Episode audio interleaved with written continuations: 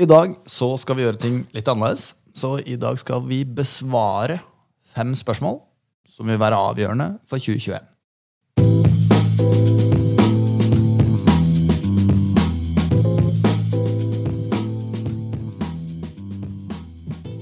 Er du med meg, Christian? Det er jeg, vet du. Det er bra. Hvilke spørsmål er det vi skal besvare i dag? Det er eh, om vi i løpet av 2021 vil eh, kunne legge pandemien bak oss. Det er eh, om vi vil kunne se en fullstendig økonomisk normalisering i løpet av året. Det tredje er om vi kan få et inflasjonsproblem. Det fjerde om stimulansene kommer til å reverseres. Og det femte om vi kommer til å få et roligere år på den politiske arenaen. Det er rått. La oss begynne med om vi kan legge pandemien bak oss i 2021. Ja. Det vi ser på som vårt hovedscenario, som vi ser 60% sannsynlighet for vil bli en realitet, er at vi vil fortsette å slite med virusproblematikk gjennom vinteren, og at en stor andel av disse restriksjonene og tiltakene med høy sannsynlighet vil opprettholdes gjennom store deler av første kvartal. Men det vi ser er at vaksinering av risikogrupper og helsepersonell det øker nå ganske markant fremover. Og sammen med varmere vær til våren og bredere utrulling av vaksiner i befolkningen ellers, så vil jo det dempe presset på sykehuskapasiteten. Og det betyr igjen at politikerne kan slippe opp på restriksjoner og tiltak. Så vi tror på en tilnærmet fullstendig gjenåpning av økonomiene mot slutten av sommeren, altså inn i, litt inn i tredje kvartal. Og oppnåelse av masseimmunitet også da i løpet av tredje kvartal. Bare for å ta med det når det gjelder dette scenarioet, så er det jo klart at vaksineutruling vil være ganske avgjørende. Og nå har vi jo i utgangspunktet tre eh, vaksiner som er godkjent, eller som ligger svært nær å bli godkjent. Det er Pfizer, det er Moderna og det er AstraZeneca. I tillegg så forventer vi at Johnson Johnson-vaksinen vil komme nå i løpet av noen uker fremover, og forhåpentligvis også godkjennes. Så det vil kunne foranledige en ytterligere eskalering av både produksjon og utrulling. Og avslutningsvis, det finnes i dag hele 173 nye vaksinekandidater, hvorav 18 er i fase 2 eller 3 av kliniske studier og, og forsøk. Ikke verst.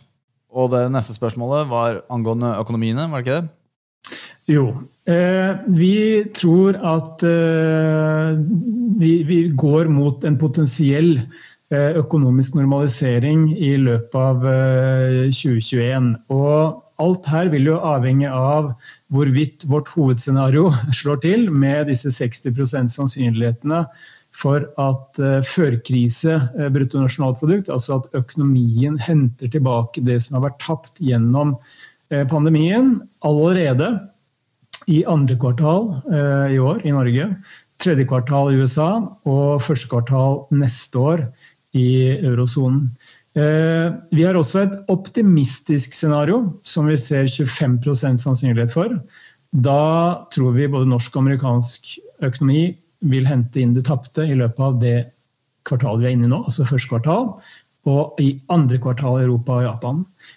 Vi ser også et pessimistisk scenario med 15% sannsynlighet, hvor vi får et problem knyttet til utrulling av vaksiner. Effektiviteten på vaksiner, bivirkninger, eller at muterte varianter da fører til at smitteveksten opprettholdes, og at politikerne må opprettholde også restriksjoner og tiltak. Men 60 pluss 25, det er 85 sannsynlighet. Så det blir jo feil. Nei, faen. Helvete! Her har jeg skrevet feil i teksten min. Samme det. Si det som er riktig. Nei, nei, nei det er jo riktig. Ja, ja faen. Du må ikke si faen på radio, Kristian. 60 pluss 25 pluss 15. Riktig. Det blir 100. Men det her kan du kutte ut, ikke sant? Absolutt ikke. Det er gøy når du gjør feil, Kristian. Bare kjør videre, du.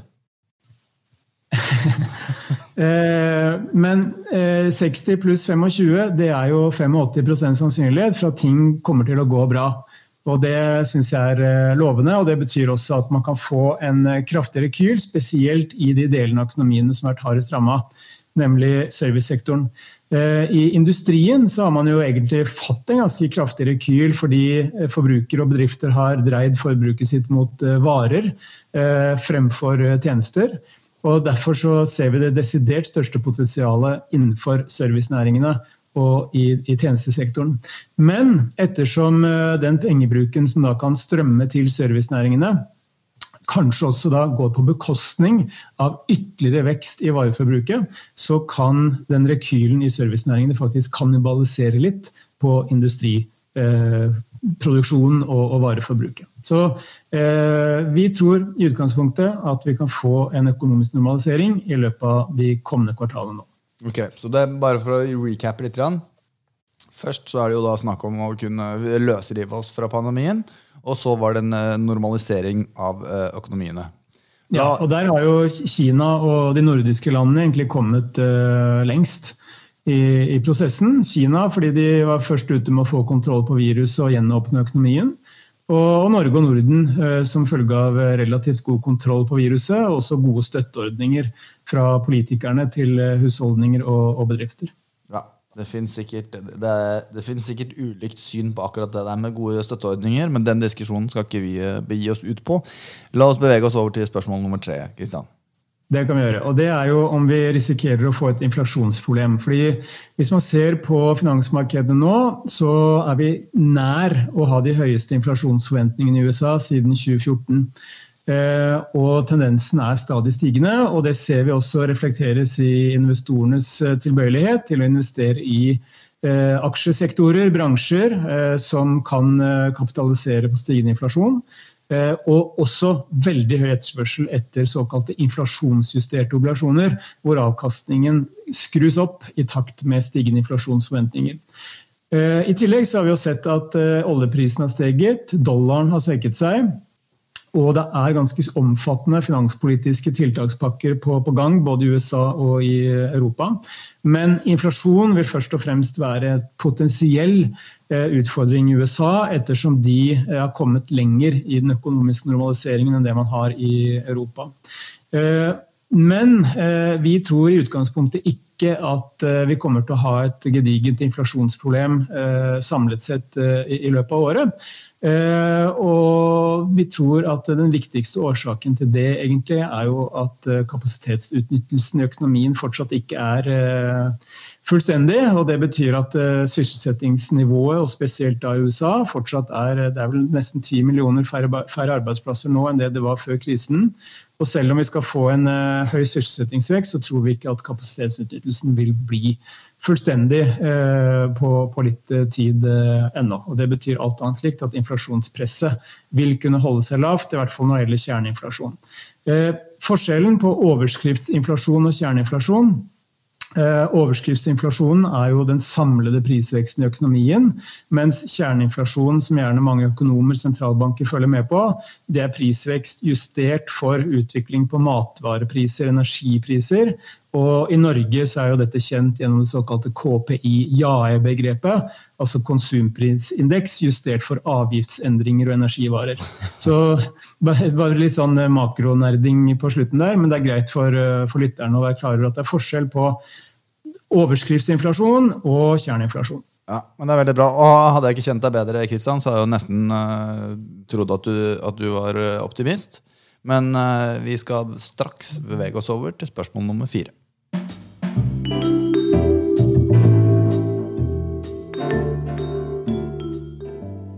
Hva er spørsmål nummer fire, Kristian?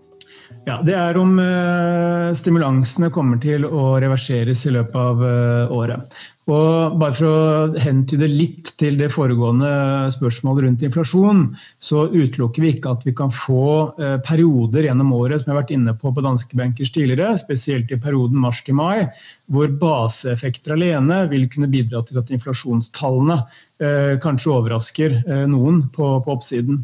Og Det kan skape bruduljer i obligasjonsmarkedet og for så vidt også i aksjemarkedet dersom noen tror at det er starten på en inflasjonsspiral og ikke noe som er midlertidig, som er vår hovedforventning.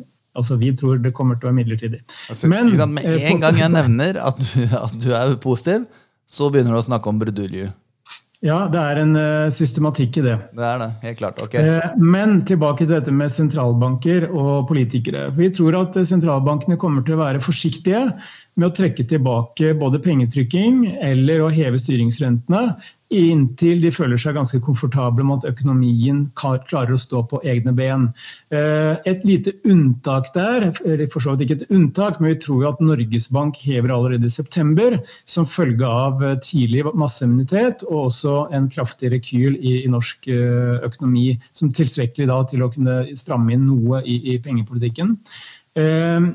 I USA så tror vi renten kommer til å holdes på null i, i lang tid fremover, også i eurosonen. Men det som det allerede har vært litt sånn snakk om i både Fed-kretser og blant investorer, er jo at den amerikanske sentralbanken kan begynne å tenke på nedtrapping av pengetrykkingen, eh, kanskje allerede nå de kommende kvartalene.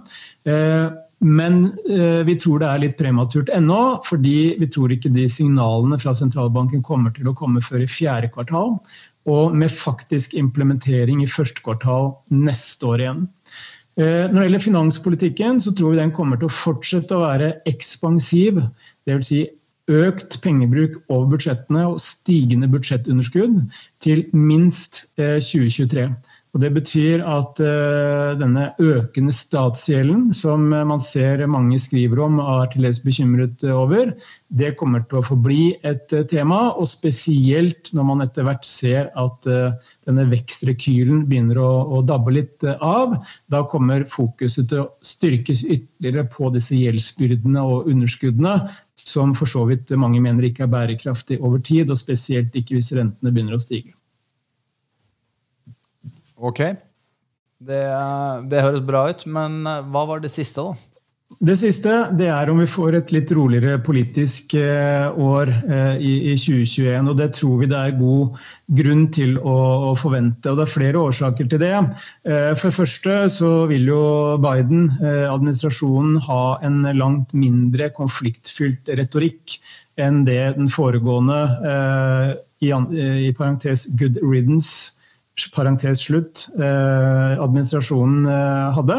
Eh, både mot tidligere allierte, men også mot Kina spesielt. Og Det betyr at man får også en mer alliansebyggende politikk, utenrikspolitikk fra Biden. Selv om han også kommer til å fortsette å være tøff mot Kina. Men det vil være en mer forutsigbar politikk, tror vi. Og vi tror også Biden kanskje i større grad vil møte Kina sammen med andre allierte for å prøve å få til eh, minnelige løsninger i denne konflikten, som også går kraftig inn på teknologiområdet. Eh, I, Europa så har vi jo brexit også nå i, stor grad bak oss, selv om det fortsetter å være en del forstyrrelser. Eh, og i Tyskland så ligger det an til at eh, da Merkel-æraen er forbi. Men vi tror Tyskland fortsatt kommer til å være en, grunnpilar og en støttende sådan i EU-prosjektet. Så Alt i alt, så med mindre noen eh, sorte svaner dukker opp, så tror vi det ligger an til et litt roligere politisk år, og med mindre eh, potensielle ringvirkninger til verdensøkonomien og finansmarkedene enn det vi har sett eh, siden 2018 spesielt. Ok, og Du er jo ganske rå på oppsummering, Christian, så gi meg nå disse oppsummert, disse fem viktige spørsmålene for 2021. Ja, eh, Vi tror at vi kan oppnå masseimmunitet i løpet av eh, tredje kvartal i år. Og at vi litt i forkant av det, etter hvert som man eh, får redusert disse restriksjonene, man får varmere vær, mindre smitteutvikling osv., kan gå mot en tilnærmet fullstendig gjenåpning av økonomiene mot slutten av sommeren. Eh, vi tror at eh, vi kommer til å se en spesielt sterk vekstrekyl i, i servicesektoren, men at det potensielt også kan uh, gå på bekostning av, vare, av det sterke, vareforbruket som vi har sett, og også dermed industriaktiviteten. Som vi også tror for så vidt vil tynges noe av lavere vekstmoment i den kinesiske uh, økonomien. Uh, selv om vi kan få en ganske sterk vekstrekyl, så forventer vi ikke at inflasjon kommer til å bli et stort problem for verken økonomien, sentralbankene eller finansmarkedene, men utelukker ikke at det kan komme periodevis eh, spikes i inflasjonstallene, bl.a. drevet av eh, baseeffekter relatert til 2020. Vi tror ikke at det vil komme noen reversering av verken eh, pengepolitikken eller finanspolitikken i Europa eller i USA i år. og Det betyr fortsatt omfattende stimulanser. Vi tror Norges Bank riktignok hever styringsrenten i september. Og det ligger an til et mer rolig politisk år på den eh, politiske eh, fronten. Heldigvis. Helt rått, Kristian. Så hvis jeg bare tar det i stikkordsform, da, så er det å riste av seg denne pandemien. Det er en normalisering av økonomiene. Det er forhåpentligvis at ikke inflasjonen blir et problem. Det er videreføring av eh, stimuli. Og det er ro i det politiske landskapet. Er det noe du vil plugge før vi eh, runder av, Kristian? Ja, det jeg kan plugge er jo for så vidt at uh, det vi har vært gjennom nå, altså disse fem spørsmålene og svarene, det kan man også få i skriftlig format uh, via min ukeskommentar, som publiseres på finansavisen.no på søndag, eller som man kan finne på Danske Bank Makronytt, hvis man googler det. Ja, Veldig bra, Kristian. Og jeg vil også oppfordre våre lyttere sånn som jeg alltid gjør, til å gå inn på Twitter og følge Kristian der. Da må dere bare søke opp atliechr. Og hvis dere ønsker å gi noe feedback til eh, Danske Bankers-redaksjonen, så kan dere søke opp meg på Twitter. Det er da at askstensrud. Eh, send spørsmål, input eller saker dere ønsker vi skal snakke om her, så skal vi gjøre vårt eh, beste til å få til det. Da tror jeg vi sier farvel, Kristian, så prates vi igjen neste uke. Det gjør vi. Ha det. Ha det.